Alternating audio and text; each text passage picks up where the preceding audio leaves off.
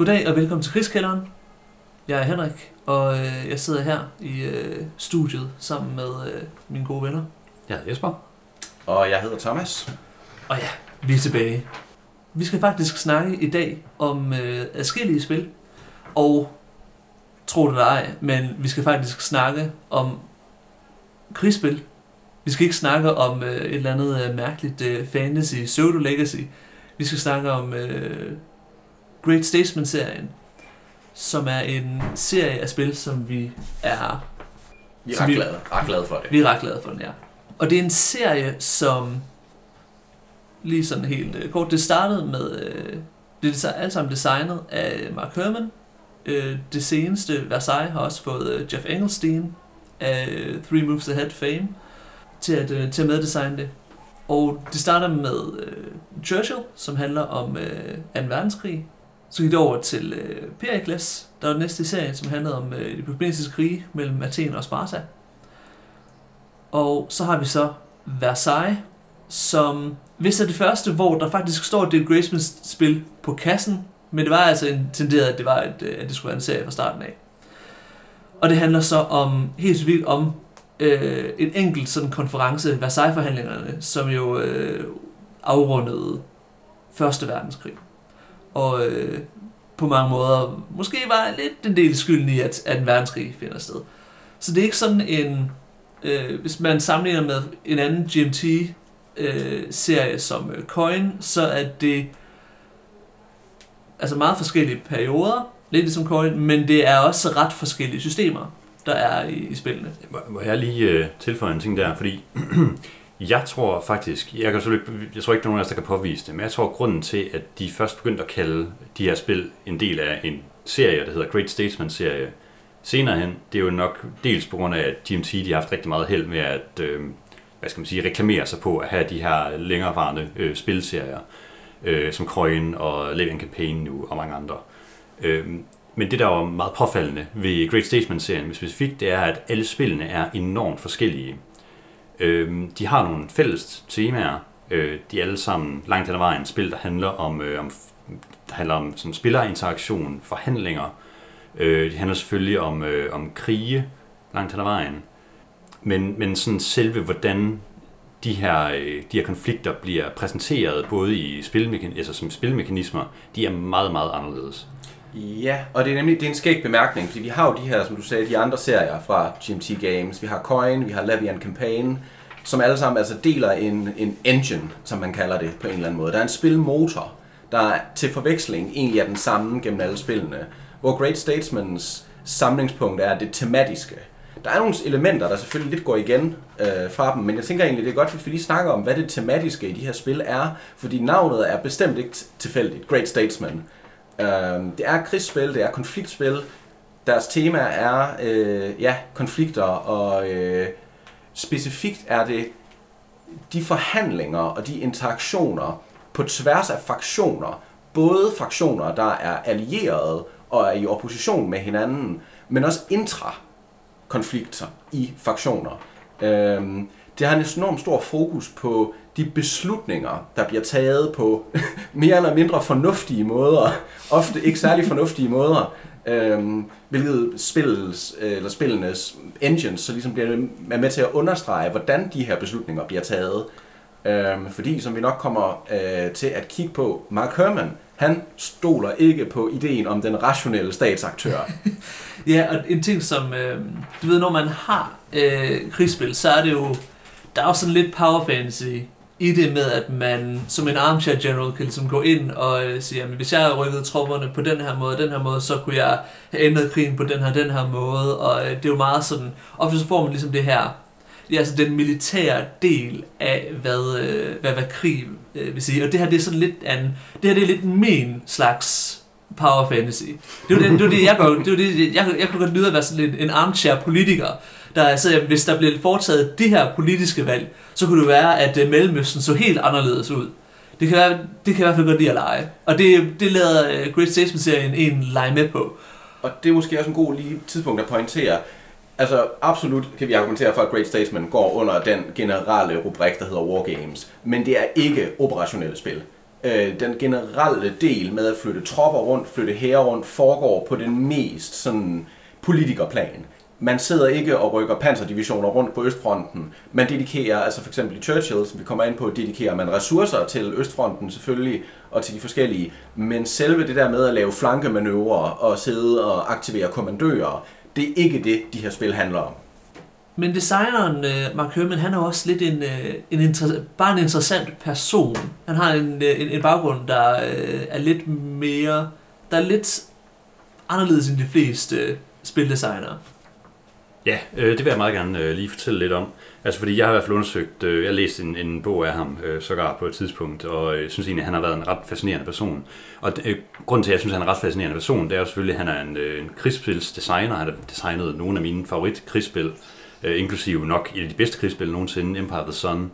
Øh, men han har også haft noget skin in the game på en måde. Han har øh, for eksempel været, øh, hvad hedder det nu, øh, lektor på øh, et af de øh, amerikanske, hvad hedder det, sådan krigs... Øh, uddannelsesinstitutioner, hvor han har været ekspert i blandt andet øh, Stillehavskrigen og, øh, og hvad hedder den, Peloponnesiske krig og, og mange andre emner. Øh, han har vist også været en slags øh, sådan, sådan rådgiver til en Pentagon-stab på et tidspunkt. Det synes jeg i sig selv er meget spændende. Øh, men han er jo for vores vedkommende også mest spændende bare i kraft af, at han har designet nogle giga-hits inden for, måske ikke, eller okay, ikke, ikke hits som i salgstal hits, men altså han har lavet nogle, nogle milepæle inden for krigsspilsgenren. Han lavede mange før det, men man kan jo starte med at sige, at hans første milepæl var nok det, der hedder Washington's War, som var det, der introducerede uh, øh, The Card-Driven Game. Uh, sådan, det er den mekanisme til, uh, til, til, til, til krigsspilsgenren, som så har udviklet sig til at videre hen til sådan noget som Hannibal og Hamilcar, som vi snakkede om en anden gang. Uh, Pass of Glory, en klassisk uh, Første Verdenskrigsspil, og især sådan noget som Twilight Struggle, som er jo et af de nok det største hit i krigsspilshistorien, salgsmæssigt kan man sige. Og det er der, at nu nævner jeg noget, jeg synes også er så fascinerende ved Mark Herman, fordi der er nogle krigsspilsdesignere, eller bare spildesignere, de har et eller andet signaturdesign, de har en eller anden mekanisme, eller en eller anden engine, de bare har lavet skide godt, og så har de måske øh, lavet nogle variationer på den over deres karriere, og lavet en, en 3-4 rigtig, rigtig gode spil baseret på den idé. Det, jeg synes, der er latterligt fascinerende med Mark Herman, det er, at han har designet traditionelle hex and counter spil. Han har designet store operative, øh, sådan lidt mere abstrakte area control spil. Han har pioneret CDG, card driven game genren. Han har øh, altså hans repertoire er fuldstændig vanvittigt. Ja. Øhm, og med, med Great Statesman, der følger han ligesom i han følger helt klart i den sådan, tradition af nytænkning, fordi det er sådan, sådan gik ind og sådan tænkte, sådan, hvad for nogle spil har sådan, hvad for nogle spil gør lidt det samme som Great Statesman, så er der faktisk ikke særlig meget at, at tage. Jeg tror, at den mest sådan, klare sammenligning er nok um, Republic of Rome. Fordi det er øh, for... Og det er jo en gammel traver. Ja, den, den, det er et gammelt spil, og det kan man også godt mærke på det. Øh, men det er nemlig det, der er interessant. Men det er der, at man ligesom spiller romerske fraktioner, man har samlinger af politikere, man debatterer, man vælger en, en ordstyre, og øh, man, de, man shuffler lidt politisk magt rundt. Men der er også det her, det er, det er også sådan et semi-kooperativt spil, man prøver at vinde, men, altså, øh, men det kan også være, at Cartago vinder, og så har alle tabt. Ja, jeg vil bare lige tage fat i hurtigt det, som du, du nævnte et ord der, som er nytænkning. Altså fordi jeg synes nemlig lige præcis, det der er mest spændende ved Mark Herman, det er, at han er en af de mest innovative øh, designpersonligheder inden for krigsspil. Øhm, og der kan man jo lige præcis tage sådan noget som, altså øh, et af mine favoritspil, Empire the Sun, som er, øh, altså er en, en helt anderledes måde at tænke på øh, Stillehavskrigen i, for, i forhold til så mange andre brætspil i, i, i krigsspil. Altså fordi den netop tager sådan et strategisk synspunkt, det skal vi ikke gå i detalje i, men tager et strategisk synspunkt, det er et card-driven spil, Øhm, samtidig med det, et Hexen Counter-spil. Samtidig med, at det er et Hexen Counter-spil. Øhm, hvor at, at sådan nogle ting som øhm, altså sådan headquarters placeringer og, øh, og sådan dedikation af styrker til forskellige manøvrer og så videre, det, det bliver totalt gentænket, hvordan eller spillerne bliver tvunget til at gentænke, hvordan de skal tænke over de problemer i det spil. Og vi kan sige det meget på den samme, og det, det er simpelthen det er et spil, der, hvor, hvor systemet, det er ikke et system, det er tailored totalt til den konflikt, som det passer på. Og det synes jeg er det samme, man kan sige om alle, næsten alle øh, Great Statesman-spillene. At både Churchill og Pericles i hvert fald, vil jeg have meget svært ved at se som et system, man bare lige sat et andet setting på. ligesom man kan gøre med coin-systemet øh, for eksempel. Det var jeg fuldstændig enig i, og det det er igen noget af det, jeg synes gør ham så ufatteligt fascinerende som designer. Og nu nævnte du tidligere lige hurtigt dit mig, øh, det her måske lidt, øh, altså ikke direkte slægtskab, men i hvert fald en, et, en, et fætterskab, om man vil, til øh, Republic of Rome og sådan noget som Pax Britannica og de her lidt ældre negotiation-spil, der også handler om at være statsmand på et stort niveau, hvor man laver forhandlinger. Og det, jeg synes, der er interessant, hvis man ser på de her lidt ældre spil, der prøver at lave det, de forsøger ofte at lade de her forhandlinger og de her dynamikker opstå så organisk og så sådan emergent som muligt ved bordet. Og meget, meget ofte er det lidt op til spillerne at være med til selv at balancere, hvad der sker ved det. Øh, og det kan have sin charme. Jeg synes, at øh, Pax Britannica er en, en, en uperfekt øh, perfekt spil. Jeg er meget glad for det. Men igen, Mark Hermans innovative måde at tænke på de her spil på, Great Statesman, synes jeg, er det mest succesrige eksempel, fuldstændig uden sammenligning i krigsspilgenren, muligvis i, spil, i brætspilgenren i det hele taget, af at modellere forhandlingsdynamikker på det niveau og på de præmisser, som, som han sigter efter, uden at kompromittere hverken, hverken temaet eller spilagents, spillernes agents i det. Og det synes jeg er fuldstændig vanvittigt, at han faktisk er sluppet afsted med det øhm, på en eller anden måde. Det burde ikke kunne lade sig gøre, og det er noget, der fascinerer mig enormt meget ved den her serie. Og han slipper afsted med det, fordi han ved ekstremt meget om de konflikter, han skriver om. Både i Design Nolands hans tidligere Peloponnesian War og, og i Design of Pericles er der øh, meget lange sektioner om, øh, om atenisk historie, om belejringskrigsførsel på det tidspunkt, og hvor fucking bras det var. Men der er også enormt mange sådan kilde henvisninger sådan til sådan, her kan du læse, hvis du vil læse om den her helt specifikke ting, jeg har taget med i mit spil, øh, siger han, så kan du læse den her bog om det. Det er, øh, han, han har ophobet en masse viden i løbet af sin, øh, i løbet af sin karriere.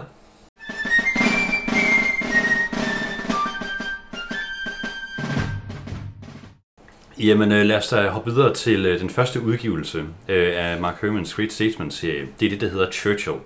Det er udkommet i øh, 2015, og øh, som navnet måske antyder, så øh, handler det øh, meget specifikt om, øh, om nogle af de forhandlinger, der var øh, mellem de tre stormagter i øh, altså USA, øh, Storbritannien og øh, Sovjetunionen op til øh, aksemagternes fald i den anden halvdel af, af 2. verdenskrig. Øh, det har en, en subtitel, der hedder Big Three Struggle for Peace, og det ligger rigtig meget af den titel, som jeg allerede lige kan sige der. Altså det er et... Øh, det, det, den antyder måske lidt, at det ikke rigtig er et, et krigsspil, det er måske mere et fredsspil, fordi man ligesom kæmper imod et, et mål, som er at skabe fred i uh, verden på den her måde. Men det ligger også meget i det her med, at det er det, det politiske øh, syn, vi tager på det.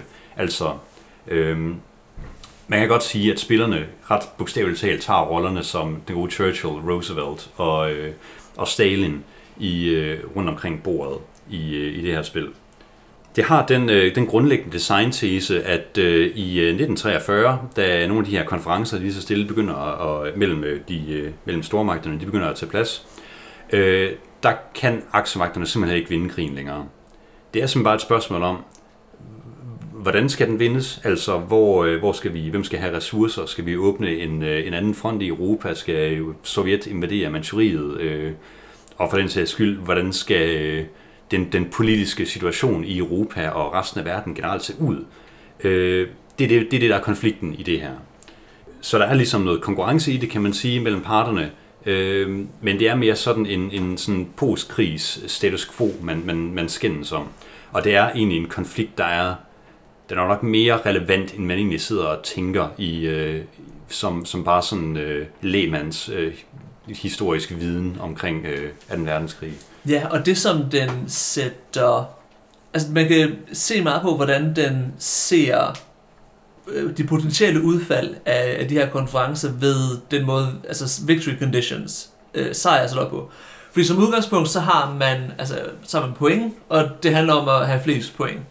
Men der er sådan nogle forskellige conditions. For eksempel er der øh, en regel om, at hvis, øh, at hvis aktiemarkederne falder øh, sådan unconditionally, øh, til sidst, så, og, og der er en, der er med 20 eller flere point foran, så er den, der har næstflest point, der vinder.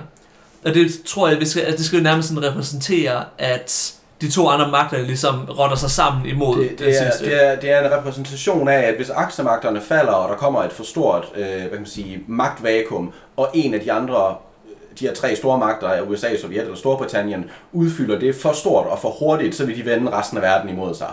Ja. Og ligesom egentlig være en, en ny, øh, der vil være en ny samlet front imod dem. Hvilket jeg lige vil sige, igen noget jeg vil bifalde ved Churchill, fuldstændig vanvittigt, at det spil slipper afsted med det. Det er et af de få spil, jeg nogensinde har spillet, hvor det er muligt at vinde krigen, men tabe freden. Ja. det, er, det er sandt. Det er sandt. ja, og specielt det, det der, vi har jo spillet det, jeg har spillet det tre gange, kunne jeg, øh, kunne jeg se fra min, øh, fra min statistik. Og, og jeg tror, at det har, altså for mig har det der vendt det så meget, hvordan jeg, sådan, hvad jeg synes, jeg synes ikke, det, det var vildt spændende de første par gange, jeg spillede det. Tredje gang, der var sådan, okay, jeg kan se, at der er noget, øh, der, der er noget i, i øh, der, der, der, er noget, øh, der er noget at bide i, i, øh, sådan, i det lange spil øh, specifikt. Fordi jeg, for det var der, hvor vi havde et spil, hvor aksemagterne øh, ikke faldt. Eller, jeg ved ikke helt præcis, når, øh, jeg tror vist, at det er sådan, at jo, altså de overgiver sig, men det er En betinget overgivelse. lige præcis. Og så er det nemlig, så er Victor nemlig anderledes, så er det nemlig, og så noget med, at, Det, det er straight up, den der får flest point, vinder selvfølgelig. Men med den lille parentes, at øh, man faktisk slår en terning Ja. for, øh, for, for, hvordan nogle af pointene bliver fordelt. Øh, fordi så slår man det sådan, det, det symboliserer i bund og grund, at man har en, en ustabil øh, fredssituation, øh, hvor der, man begynder at alliere sig med, med nogle af aksemagterne for eksempel igen. Øh, det er en lille smule gamey, er nogen, der har kritiseret det for, men jeg tror faktisk, det giver ret god mening. Men det fungerer på den måde, at så den, der ligesom har flest point, slår en terning, en D6'er, det, det, det trækker han fra i point. Den, der slår lavest, slår en terning, det får han i point. Og den så i midten slår en øh, terning halveret, og så mister det et point. Og så er det ligesom endscoren. Øh, men det synes jeg faktisk er, øh, er, ret, er stadigvæk er ret interessant, øh, hvad skal man sige, øh, hvad skal man sige, en ret interessant mekanisme. Fordi, øh, hvordan, øh, i forhold til, altså, på grund af, hvordan man ligesom så begynder at tænke på, hvad man egentlig kan opnå i krigen. Fordi at hvis man så sidder tur 10, øh, og det, de, de er egentlig ret tæt, men det går ikke helt godt for øh, den, der i Novachok, sjovt nok, så kan vedkommende jo faktisk bogstaveligt talt prøve at spille for, at de allierede taber krigen.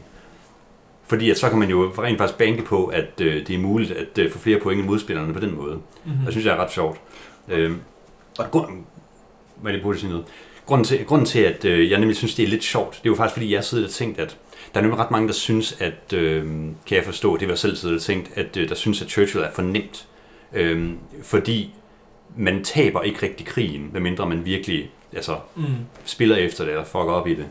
Øhm, men, men og så sådan kunne jeg sådan sidde, sidde, sidde og tænke på, i sammenligning med sådan alle andre kooperative spil, for det er jo et kooperativt spil på en eller anden måde, kunne det ikke, egentlig så ikke have været sjovt, hvis man havde et, øh, en anden regel, som var, at de med særksmagterne ikke, øh, ikke, øh, ikke bliver- overgiver sig, så tager man spillet. det kunne man jo sagtens have gjort som et Ja, det man. design. Altså, så havde man ligesom haft lidt mere rush i, at man skulle kunne Ja. frem til, til målstregen. Men det er så der, hvor Men jeg jeg synes spil- faktisk, at det her det bliver meget mere eksotisk på en eller anden måde. Ja, og det, det viser sig tydeligt, Mark Herman, Mark Herman tænker ikke, at aktiemagterne kan vinde. Det, det bedste, Nej. de ligesom kan opnå, er en, ja, en, be, en betinget øh, tab. Og det spiller jo lidt ind i spillets generelle tese. Ja, Om, om, men det er også, altså... og der, ja, der, der er jo mange ting, sådan, hvor, man, hvor man sidder som spiller, og, øhm, og en ting, som jeg tænkte specielt i starten, det var, at det er et ret railroadet spil. At i den forstand, at der er decideret rails, man bevæger sig ind imod på, øhm, Ja, øh, på det her. Men det er det, er det sådan, faktisk ikke, fordi der er mange steder, hvor man egentlig sådan tænker, okay, jeg ved faktisk ikke helt. Der er flere måder, jeg ligesom kan, øh, hvad skal man sige, gå efter at, at spille i de her konferencer.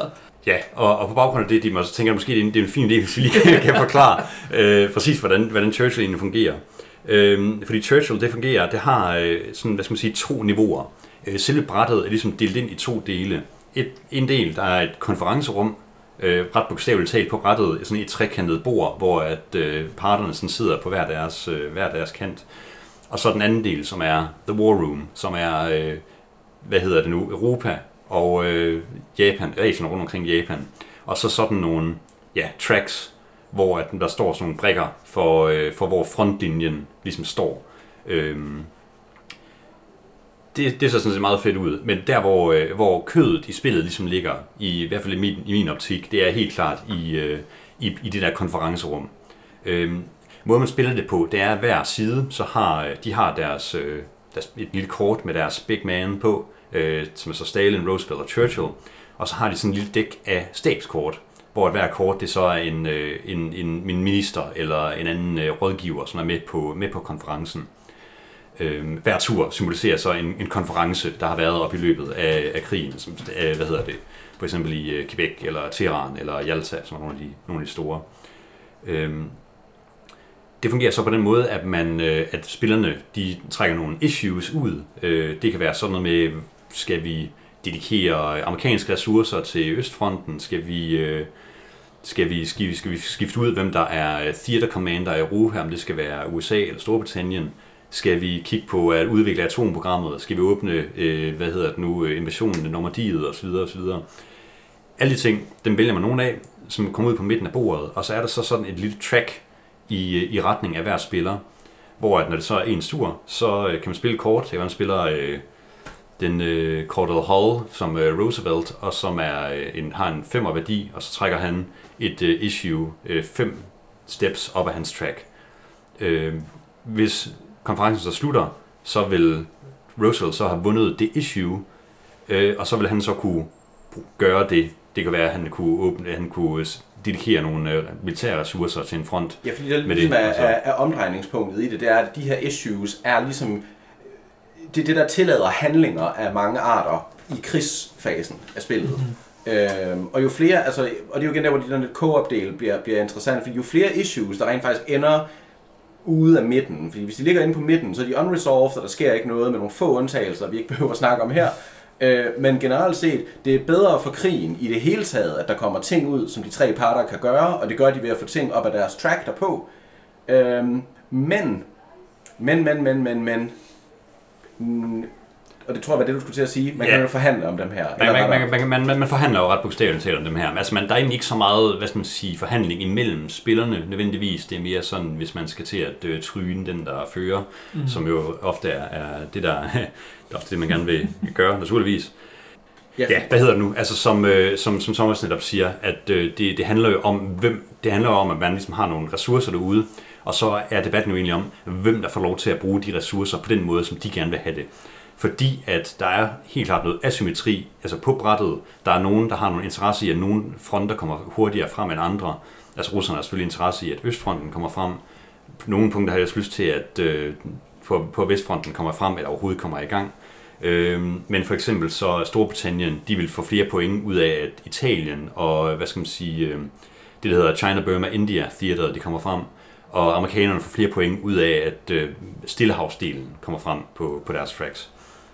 Og der er sindssygt meget fuckery i, hvordan man kan debattere. Fordi en ting, som... Øh, øh, en ting, som hver side har, og det er... Folk har ikke... Hver side har ikke lige meget. For eksempel, USA har rigtig meget production. Øh, og det er ligesom det, der gør, at de kan gøre ting i krigs... Øh, i, øh, i krigsfasen. Det er det, der gør, at de kan aktivere deres øh, hvad det, politiske, militære øh, issues og placere deres indflydelse rundt omkring på brættet. Øhm, og det, som man blandt andet kan gøre, er lidt, at man kan faktisk politisk dræne de andre, øh, dræne de andre powers production. En ting, som skete for os, det var, at øh, i sidste spil, var igennem flere, øh, igennem flere af de her konferencer, der blev det bare øh, nærmest gjort sådan, at Sovjet ikke rigtig havde noget at rykke med på Østfronten, fordi det ligesom blev dirigeret over på andre fronter i rent sådan politisk. Og det gjorde, at spillet formede sig meget anderledes, fordi vi bare sådan så den her øh, Sovjet her, som bare aldrig rykkede sig ud af stedet.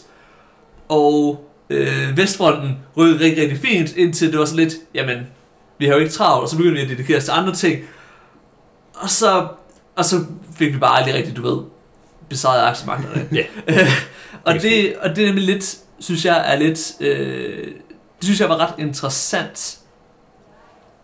S- Simpelthen fordi, at de her sådan rent sådan politiske beslutninger, der bliver taget med, hvilket kort spiller man, og hvad debatterer man, og hvordan agerer de forskellige, øh, de, de forskellige sider, formet fuldstændigt øh, sådan, i sådan en slags ripple effekt, butterfly, i sådan en slags øh, ja, sommerfugle effekt, hvordan hele sådan brættet kommer til at udforme sig resten af spillet. Ja, og der er en enkelt dimension mere til det omkring brættet. Altså det er jo at, at samme bræt, hvor man modellerer krigen på, og hvor de her fronter øh, rykkes frem og tilbage osv. Det er jo også der, hvor at spillerne producerer, nu vi kan behøve gå alt for meget i detalje med dem, men producerer deres political markers og deres clandestine networks, som det hedder. Man præsenterer henholdsvis statsmagter, der er i de her lande, som er venlige over for en af de tre regeringer, øh, eller netværk, enten af guerillaer, eller partisaner, eller spioner ja. i det her land, som er venligt stillet over for den store magt. Øhm, I bund og grund indflydelse. I bund og grund en slags indflydelse på, i, i, i to ikke helt identiske niveauer. Nej. Og, og det der er lidt skægt ved det, der, er, at de er, altså political markers er øh, totalt pointfarme. Det er bare fedt at have dem. Men hvordan og hvornår de må placeres er influeret af ting, som ikke besluttes bare på, og nu har jeg placeret en brik på brættet her, bum bum, placerer du en modbrik på demonstro. Nej, nej, det bliver også i høj grad det bestemt af, hvad der foregår i konferencerummet, om de beslutninger, der bliver taget, hvad om hvad reglerne faktisk overhovedet er for hvornår, fordi det kan besluttes gennem nogle issues for hvornår og hvor man må placere dem. Og det gør lige pludselig, at der kommer det her fantastisk interessante spil, hvor at spillets regler og muligheder faktisk lidt ændrer sig undervejs, baseret på, jamen, hvad, hvad de forskellige spillere vælger at prioritere, og hvad de også vælger at modprioritere. Fordi en spiller kan godt højt prioritere at sige, jeg vil gerne have, at det, den globale attitude er, at vi kan simpelthen bare placere vores political markers over hele verden, præcis som vi vil have det. Fedt. Der skal være frihed og self-determination til alle nationer. Og hvis det ikke bliver øh, sat imod, jamen, så får de selvfølgelig lov til det. Men det kan nemlig så også godt ende med, at der er nogen, der siger, det synes jeg godt nok ikke, de skal. Øh, det, nej, det, kan- det, det kan vi ikke have. Og det skaber den her interessante ting, hvor faktisk dedikerer de to spillere mange ressourcer til et issue, og en intet opnås. Og det er den fælde, det er sjovt at sidde og navigere i, i det her konferencelokale. Når to spillere sidder og hakkes om denne her dirigerede offensiv, som er en masse krigsmateriel, skal den gå til Østfronten eller Vestfronten, og sidder og hakker frem og tilbage på den. Og så lige pludselig tre forhandlinger senere går det op for alle, vi har spildt en masse tid på at opnå lige præcis 0 og nada Ja. herpå. Og Det det, var- er fantastisk. Det var nemlig sjovt, at noget af det, der skete, det var jo, at, ja, som, som øh, Dietmar lige nævnte, at Østfronten i vores seneste spil kom ingen vegne, og det var fordi, at alt øh, det, det, den sovjetiske militærstyrke, den blev dirigeret væk derfra. Øh, og det var fordi, at jeg, øh, at jeg, jeg spillede Stalin. Øh, jeg ikke... Øh, ja, fik spillet ordentligt efter de, præcis de, øh, de issues. Det eneste spil, jeg fik spillet rigtig, rigtig meget efter de der political alignment issues, som jeg synes nemlig sjovt nok gjorde, at jeg, øh, mine fronter, de var ingen steder. Til gengæld så havde jeg nærmest politisk kontrol over hele Østeuropa, og øh, også øh, flere steder i, i Vesteuropa. Der var kommunister over det hele. Der var kommunister over det hele, og endda ude i kolonier, øh, ko- kolonierne på nogle steder. Øhm, så det, det var i, i og for sig meget sjovt. Øhm, hvad var det mere, jeg skulle til at sige? Det var, øh, det var de der global issues. Nu er du sådan lidt øh, farvet over det, kan man sige. Det ved jeg ikke. Øh, ja, ja, der, er- ja, vi kan gå lidt mere i dybden med det, der hedder, med det, der hedder Ja, global issues hedder det. Ja. Øhm, vi kan også lige hurtigt bare lige grave i det der, som øh, noget som øh, Thomas lige nævnte her til sidst, som er de her, øh, de her globale issues, der er lidt med til at øh, hvad skal man sige, bestemme, hvor man overhovedet må placere sin, øh, sin politiske indflydelse. Øhm, rent historisk set, så er det jo egentlig nogle af det, som, noget af det, som altså når de, de tre store rent faktisk var med til konferencerne, så var det de, de sad og diskuterede. Det var sådan nogle ting om, skal vi have, skal, skal hvad hedder det nu, øh, kolonierne i Østpå, skal de, øh, skal de fortsætte med at være kolonier, skal de, eller skal de have self-determination, som er en debat mellem øh, Churchill og Roosevelt, øh, eller skal vi have et frit Europa, eller skal vi have spheres of influence, som var en debat mellem Churchill og, og Stalin. Øh, det er også sådan nogle, nogle ting, som ligesom er, er debatteret heri, øh, men det er jo ikke bare noget sådan issues, man ligesom, det er ikke bare sådan en point, man ligesom vinder, det er jo rent faktisk altså noget, som også har en effekt på, hvordan vores øh, politiske indflydelse kan, kan, få, kan komme ud omkring øh, på brættet. Øh, noget, som jeg også synes er skide sjovt i det her, det er jo, at øh, ja, altså til en vis grad, så er der også et, et spil omkring, hvad for nogle issues man helst gerne vil have ud. Men, men det er også enormt sjovt, synes jeg, at der jo er et spil omkring, hvem der bare overhovedet vinder en konference øh, Det giver nemlig også point at vinde en konference. Og det vil sige, at man er den, der har, fået, der har vundet flest issues på Hvis man er den, der har vundet flest issues, så vinder man en konference, og det giver nogle point. Og det synes jeg er nogle gange også kan lede til noget, noget hyldende morsom, øh, en, morsom konflikt. Fordi nogle gange så kan det være, at man tager et issue, som det egentlig ikke rigtig nogen gider at snakke om, men man tager det bare op på sig, fordi så har man flere issues end de andre, som også bare nogle gange leder til, at jamen, så kunne det være godt, hvis den her ting skete, men jeg vil også gerne vinde den konference, så skal jeg noget andet i stedet for. Ja, og der er en super interessant rytme i, hvordan konferencerne fungerer. Fordi at, nu bliver det nævnt hurtigt, at man ligesom vælger et issue, og så spiller man kort, Ja. ja. på den. Men så går man ind i, efter man har gjort det, så vender man sig egentlig til den næste spiller, og så kan vedkommende Debattere. debattere det, og ligesom spille sit eget kort, og så ligesom trække det hen igen. Og så virkelig gøre det sådan, så det næste. Så alle, så ikke alle, men så snart, der er ligesom to, der kan, øh, hvad skal man sige, trække det frem og tilbage. Og, øhm, og der er sådan noget interessant med, hvordan, altså det handler jo meget, faktisk meget om, hvordan værdisætter man bestemte issues. Man skal hele tiden sådan ligesom tænke, okay, hvad er det her værd for mig? Og så nogle gange, det man virkelig har lyst til, det er, at man har lyst til at øh, debattere noget, og så øh, sidder Stalin over i stolen og syder over, at, at det skal debatteres lige nu. Fordi, at det kan være, fordi der, er en, der er en rytme, som det kan være, at de ikke har lyst til at bruge et kort på det lige nu. Det kan, det kan være, at der er øh, at de- de havde et kort, de hellere ville bruge på noget andet, som de så ville være nødt til at bruge her. Og sådan. Der er hele tiden den her sådan, hvor, og man snakker jo ikke rigtig om det. Man sidder jo egentlig bare sådan, og så prøver man at udmanøvrere hinanden. Det er noget af det, jeg også synes, der er absolut smukt ved det her system. Det er de eneste... Det er også noget, der er lidt af gældende for Great Statesman i det hele taget, men jeg synes, det er specielt gældende i, i Churchill. Jeg synes, det er meget synligt heri. Det er en helt forhandlingsrunde, som faktisk er bedre af, at ingen siger et ord. Øh, når man sidder og bare har den der spændte tavshed om, og folk sidder og beslutter, at jeg, jeg rykker det issue, jeg vælger det issue, og jeg spiller ham her på, han giver, rykker den fire i min retning. Er der nogen, der vil debattere det? Og der er den her altså man kan skære spændingen i luften med en kniv, om, om der er nogen, der rykker på det. Og så også, som du siger der, øh, der er noget hylemorsomt, der kan ske af og til, hvis der er en spiller, der sidder og har fuldstændig fejldømt situationen, og siger, det her issue, som kun er lidt op på mit track, det vil jeg faktisk gerne have lidt længere op, spiller et lavværdiskort for at rykke lidt, lidt længere op, og overhovedet ikke har forudset, at der var faktisk nogen, der sad og ventede præcis på det, som så nu debatterer med et højværdiskort, og pludselig, det her issue, man sad og tænkte, jamen det havde jeg jo helt styr på, ligger lige pludselig over hos Stalin, og lige pludselig er det ham, der får lov til at beslutte, hvad der skal gøres med alle de britiske tanks i Asien. Og det er jo fantastisk. Så der er det her, det er en meget god måde, du sagde det på med, der er, der er et, det her konstant værdisætningsspil, hvor at man hele tiden spørger sig selv, hvor meget vil jeg gerne give til lige præcis det her issue, fordi det betyder simpelthen, der er noget, jeg kan give på andre issues.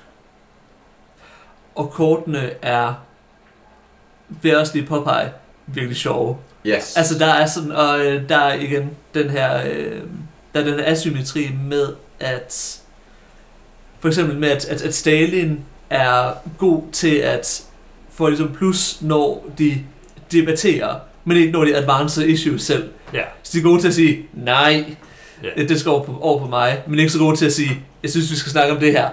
ja. Øhm, og både hvad det, Churchill og øh, hvert sådan Great Statesman kort har sin egen lille sjov gimmick med at, at Stalin øh, der er en chance for at han skaber paranoia som gør Ja. ja. alle hans efterfølgende kort svagere Ja. Der, der, Øh, der er ligesom en penalty, når man spiller de, Ja. de store kort i det her. og Roosevelts er nok den, den sjoveste, fordi der er en chance for at han dør og det, er jo, det, er jo, og det er jo ikke særlig sjovt for ham, men det sjove er, at like, hvis, det sker tid, okay, hvis det sker tidligt, så er det jo øh, Truman, der tager over. Og hvorfor er det fucking hilarious? Det, det er fucking sjovt, fordi at Truman er amazing, hvis man har øh, udviklet atomvåben, og absolut garbo, hvis total bras, hvis, øh, hvis ikke man har. Og det betyder, at hvis, nu, at det sker, hvis det sker sent, så sådan så lidt, når ja, Roosevelt er død, men nu har jeg Truman, det er egentlig fedt nok. Men hvis det sker tidligt, hvis, nej, det er sådan, hvis man i allerførste konkurrence spiller Roosevelt, og han kreperer, så betyder det pludselig, så er man bare sådan, okay, jeg skal snakke om atomvåben hver eneste gang, og det skal vindes, og jeg er ligeglad med, hvem der vinder den. Det skal bare, we just need to make this fucking bomb. Og det er sådan, der, der er sådan nogle små, små detaljer, sådan, sådan nogle små what-ifs indbygget i, sådan like, hvad hvis det var sket lidt anderledes, bare med, øh, de her, bare med, hvordan kortene bliver spillet. For det er nemlig sjovt, altså selvom at det er, øh, altså frontlinjerne bogstaveligt talt kører på tracks, så er det faktisk meget sandboxy. Ja, Ja. Altså, det er ikke fordi, man gøre et eller andet fuldstændig mærkeligt med at åbne en anden front i, øh, i stedet for Normandiet, så gør vi det i dog, eller et eller andet. Men altså, stadigvæk, det er det, stadig det der med, at man kan, man kan, man kan tabe øh, krigen, og man kan leve i konsekvenserne af det. Og øh, hvad kan man sige, Rumænien kan blive øh, britisk aligned, og øh, mærkelige ting kan ske. Øh, Og det er jo lidt, altså jeg synes, at det illustrerer meget, meget godt en, en af de bedste type sandboxes, der kan findes i den her type spil. Og det er en sandbox, hvor visse historiske eller historisk adjacent outcomes er mere sandsynlige. Simpelthen bare på grund af reglerne, der bliver spillet. Fordi spillet lidt notcher i nogle retninger. Men man kan godt kæmpe imod de retninger. Igen, som du sagde, Rumænien kan godt ende med at være en britisk eller amerikansk øh, tæt allieret. Øh, altså jo, sådan set, så kan hele Sydøstasien også godt ende med at være et kommunistisk paradis. Øh, det er nogle er mindre eller mere sandsynlige end andre, men det er også lidt fedt, når, det, når de sker, de der, hvor at historien bliver smidt lidt ud af vinduet. Mm. Igen for eksempel, som det skete i det seneste spil, vi havde, hvor at, jamen, i 45, så øh, altså, den røde her var ikke engang i Polen. Ja. Altså, det i dag var sket allerede i 43, Ja. basically. Og de øh, amerikanske tropper avancerer bragt til Holland og stopper sig der, fordi de vurderer, fordi den amerikanske ledelse vurderede, at nu skal vi vinde Stillehavskrigen, og det er meget vigtigere. Og, og meget crucially, det, i det spil, så var der ikke nogen, der, der vandt nogen point på at være kommet ind i Tyskland på noget som helst tidspunkt. Man begynder ligesom at få point, jo tættere på man er, men der er ikke nogen af os, der er kommet så tæt på, at det kan give nogen som helst point. Så øh, krigen, det var spilletid. Ja. Og det, og det som Churchill jo så på den her måde, for den historie, som det fortæller om, øh, om 2. verdenskrig, er, er jo så i høj grad en krig, der en, en verdenshistorie, der bliver ændret ved forhandlingsbordet. Ja. Og det er jo nok det, som der på mange måder lidt er sådan en fællesnævner i, øh, i Great Statesman-serien, at, at hvis ting var, havde været lidt anderledes, hvis, hvis det var blevet debatteret anderledes, hvis det havde anderledes, lidt, bare lidt anderledes prioriteter, så havde, så havde verden set anderledes ud i dag. Og det er også øh, altså en af de andre ting, jeg synes, der er ret fascinerende ved den, som et, altså tematisk fascinerende ved den, fordi den, øh, Ja, men jeg, jeg skulle så til at sige, at det er jo lige præcis der, hvor at, Churchill et sted også er gennembruddet, både tematisk, men også bare inden for, øh, inden for krigsspilsgenren generelt, altså, fordi der findes jo en milliard øh, en verdenskrigsspil naturligvis, fordi det er den mest interessante krig for utrolig mange mennesker. Men jeg kan ikke, jeg kan ikke komme i tanke om nogen, hvor at den politiske, hvad skal man sige, den, den sådan toppolitiske, geopolitiske øh, front ligesom er blevet afbildet på den måde, som det er her i. Øh, eller med de, hvad skal man sige, sådan målsætninger i det på den måde. Fordi jeg tænker meget i øh, en verdenskrigsspil, selv der sådan, du har for eksempel det der World in Flames til, sådan kæmpe et, men det er jo sådan et, der handler om selvfølgelig at vinde øh, krigen, men handler også om ressourcer, øh, finde øh, oliepunkter og, øh, og du ved, øh, operere, manøvrere sine tropper rundt på den rigtige måde. ja, ja. Øhm, meget af det, det er jo ligesom sådan, for eksempel sådan med, med manøvrer og så videre. Det tager ikke generalens synspunkt, som jeg har sagt. Det tager ligesom ministrenes. Og det er i sig selv, altså, det er en, det er en helt anden historie af 2. verdenskrig, vi får præsenteret her. Så det er også sådan narrativt interessant, synes jeg. Øhm, Og det- der, der er rigtig meget interessant i det. Og jeg synes netop, det er en, det er en fantastisk modgift netop til, altså, hvor meget jeg end godt kan lide spil som, som World in Flames og Unconditional Surrender og Absolute Victory og mange af de andre sådan lidt mere traditionelle Hex and Counter-agtige 2. verdenskrigsspil, så har de en tendens til, at en faktion, det er en stor bunke chits og counters i en vis farve, og de er under absolut kontrol af den, der nu sidder med dem. Øhm, den spiller, der nu har kommando over den fraktion. Og jeg synes, at Churchill er sådan en fantastisk modgift, om man vil, mod den måde at se krigen på. Ja. Fordi det handler ikke lige pludselig om to øh, klatter farve på et kort, der støder mod hinanden, øh, og ligesom er under en eller anden form for, for suveræn enevældig kontrol af en, af en stor kommandør. Selv bare det, at jo, man er Churchill og Roosevelt og Stalin, der sidder ved forhandlingsbordet, men faktisk er det jo ikke Churchill, Roosevelt og Stalin personligt ved forhandlingsbordet det meste af tiden. Det er deres ministre og deres agenter.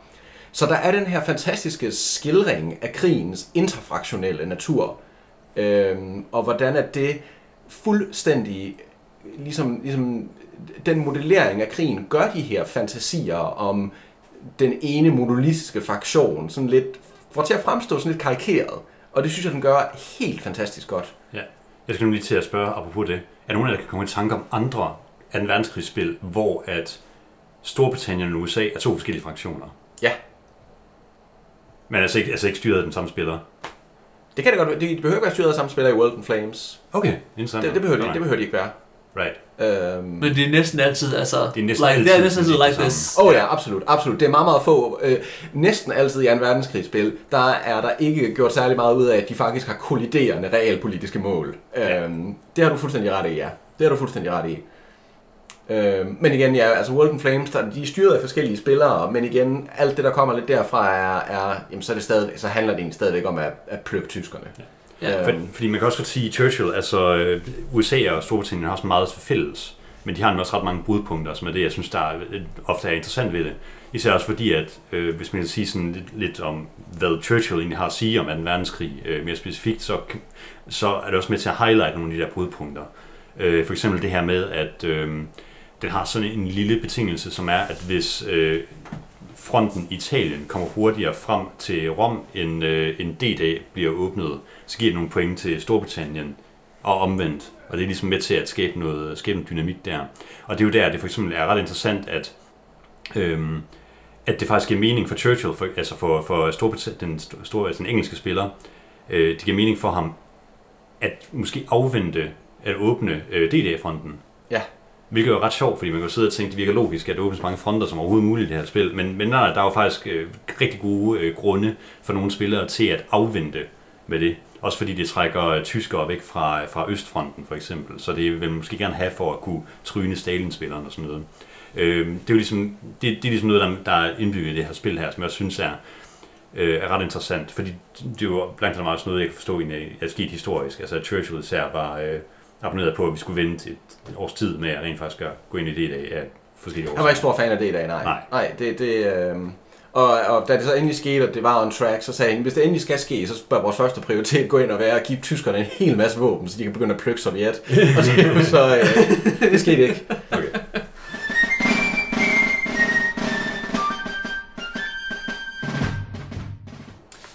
Ja, jamen lad os prøve at runde af. Så, altså overordnet set, hvad... Øh, jeg vil måske bare lige starte med at fortælle noget overordnet, som er, at jeg... Øh, vi, har, vi, har, spillet, vi, har også tre, vi har spillet det tre gange. Jeg har spillet det flere gange med andre spillere også, øh, i kraft af, at det er mit spil. Øh, og jeg tror nemlig, at, at noget, jeg synes, det er lidt sjovt ved det, det er, hvordan vores, vi har udviklet os i, hvordan vi tænker omkring det her spil. Fordi vores første indtryk af det, det var, at øh, det måske egentlig var en lille smule tørt. Øh, fordi i kraft af, at det, ligesom, det kører ligesom, fronten kører ligesom på tracks, det er lidt som om, at det ligner, at der ikke kan ske så mange forskellige ting. Øhm, og så er det ret langt spil, jeg er også nødt til at sige. Jeg vil nok sige, at hvis man spiller det lange scenarie, så er, sidder man inden for 5-6 timer. Øhm, så det, det er altså en, en, en lang oplevelse, og hvis det så samtidig måske er en, en lille smule kedelig oplevelse for nogen, øh, så, er det, så er det jo ikke ligefrem så godt. Men jeg vil nemlig gerne øh, lige påpege, at øh, som vi er blevet bedre til ligesom at forstå spillet, så virker det faktisk også ret spændende hele vejen igennem. Øh, og jeg ved ikke helt om det er en, men jeg synes det er en flaw ved spillet.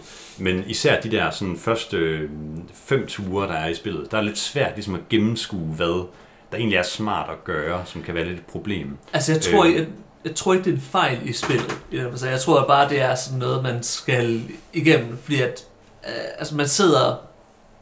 Altså, de første tur er faktisk... Allerede på første tur er det ret spændende, når man ved, hvad fanden det er, øh, de lange sigtede konsekvenser af ens handlinger er. Ja. Og det ved man bare ikke første gang, man spiller. Nej, Så Nej, det- det, det er- det, det, det, der, der er en, det, når man har spillet det en gang eller to, så har det en helt anden betydning at se Sovjet placere de der political markers i øh, Vietnam og i øh, Rumænien, mm. end det har første gang, man spiller det, hvor man lidt tænker, jo jo, og hvad så? Ja, ja, men, Og- men især også det der med, hvordan man ligesom, om man har lyst til at åbne fronter, eller hvor man Ja. har lyst til at dedikere sine ting.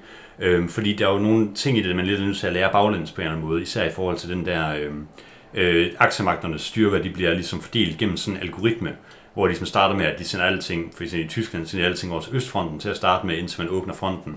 Øh, og det er jo sådan noget, hvis man ligesom ikke er helt ind, indforstået i den der øh, rækkefølge i, hvordan aktiemagterne ligesom opfører sig for eksempel, så kan det være lidt svært at se, hvad, ens, hvad konsekvenserne af det, man gør, egentlig kan være. Og det kan jeg bare lidt huske, jeg tror, vi, vi måske glemmer det at tænke over, har glemt at tænke over nogle gange, da vi startede det. Ja, Øhm, men, det, men, det, men det er en lille ting et eller andet sted. Øh, jeg synes, at det er et virkelig, virkelig sjovt spil, når man ligesom lige forstår det.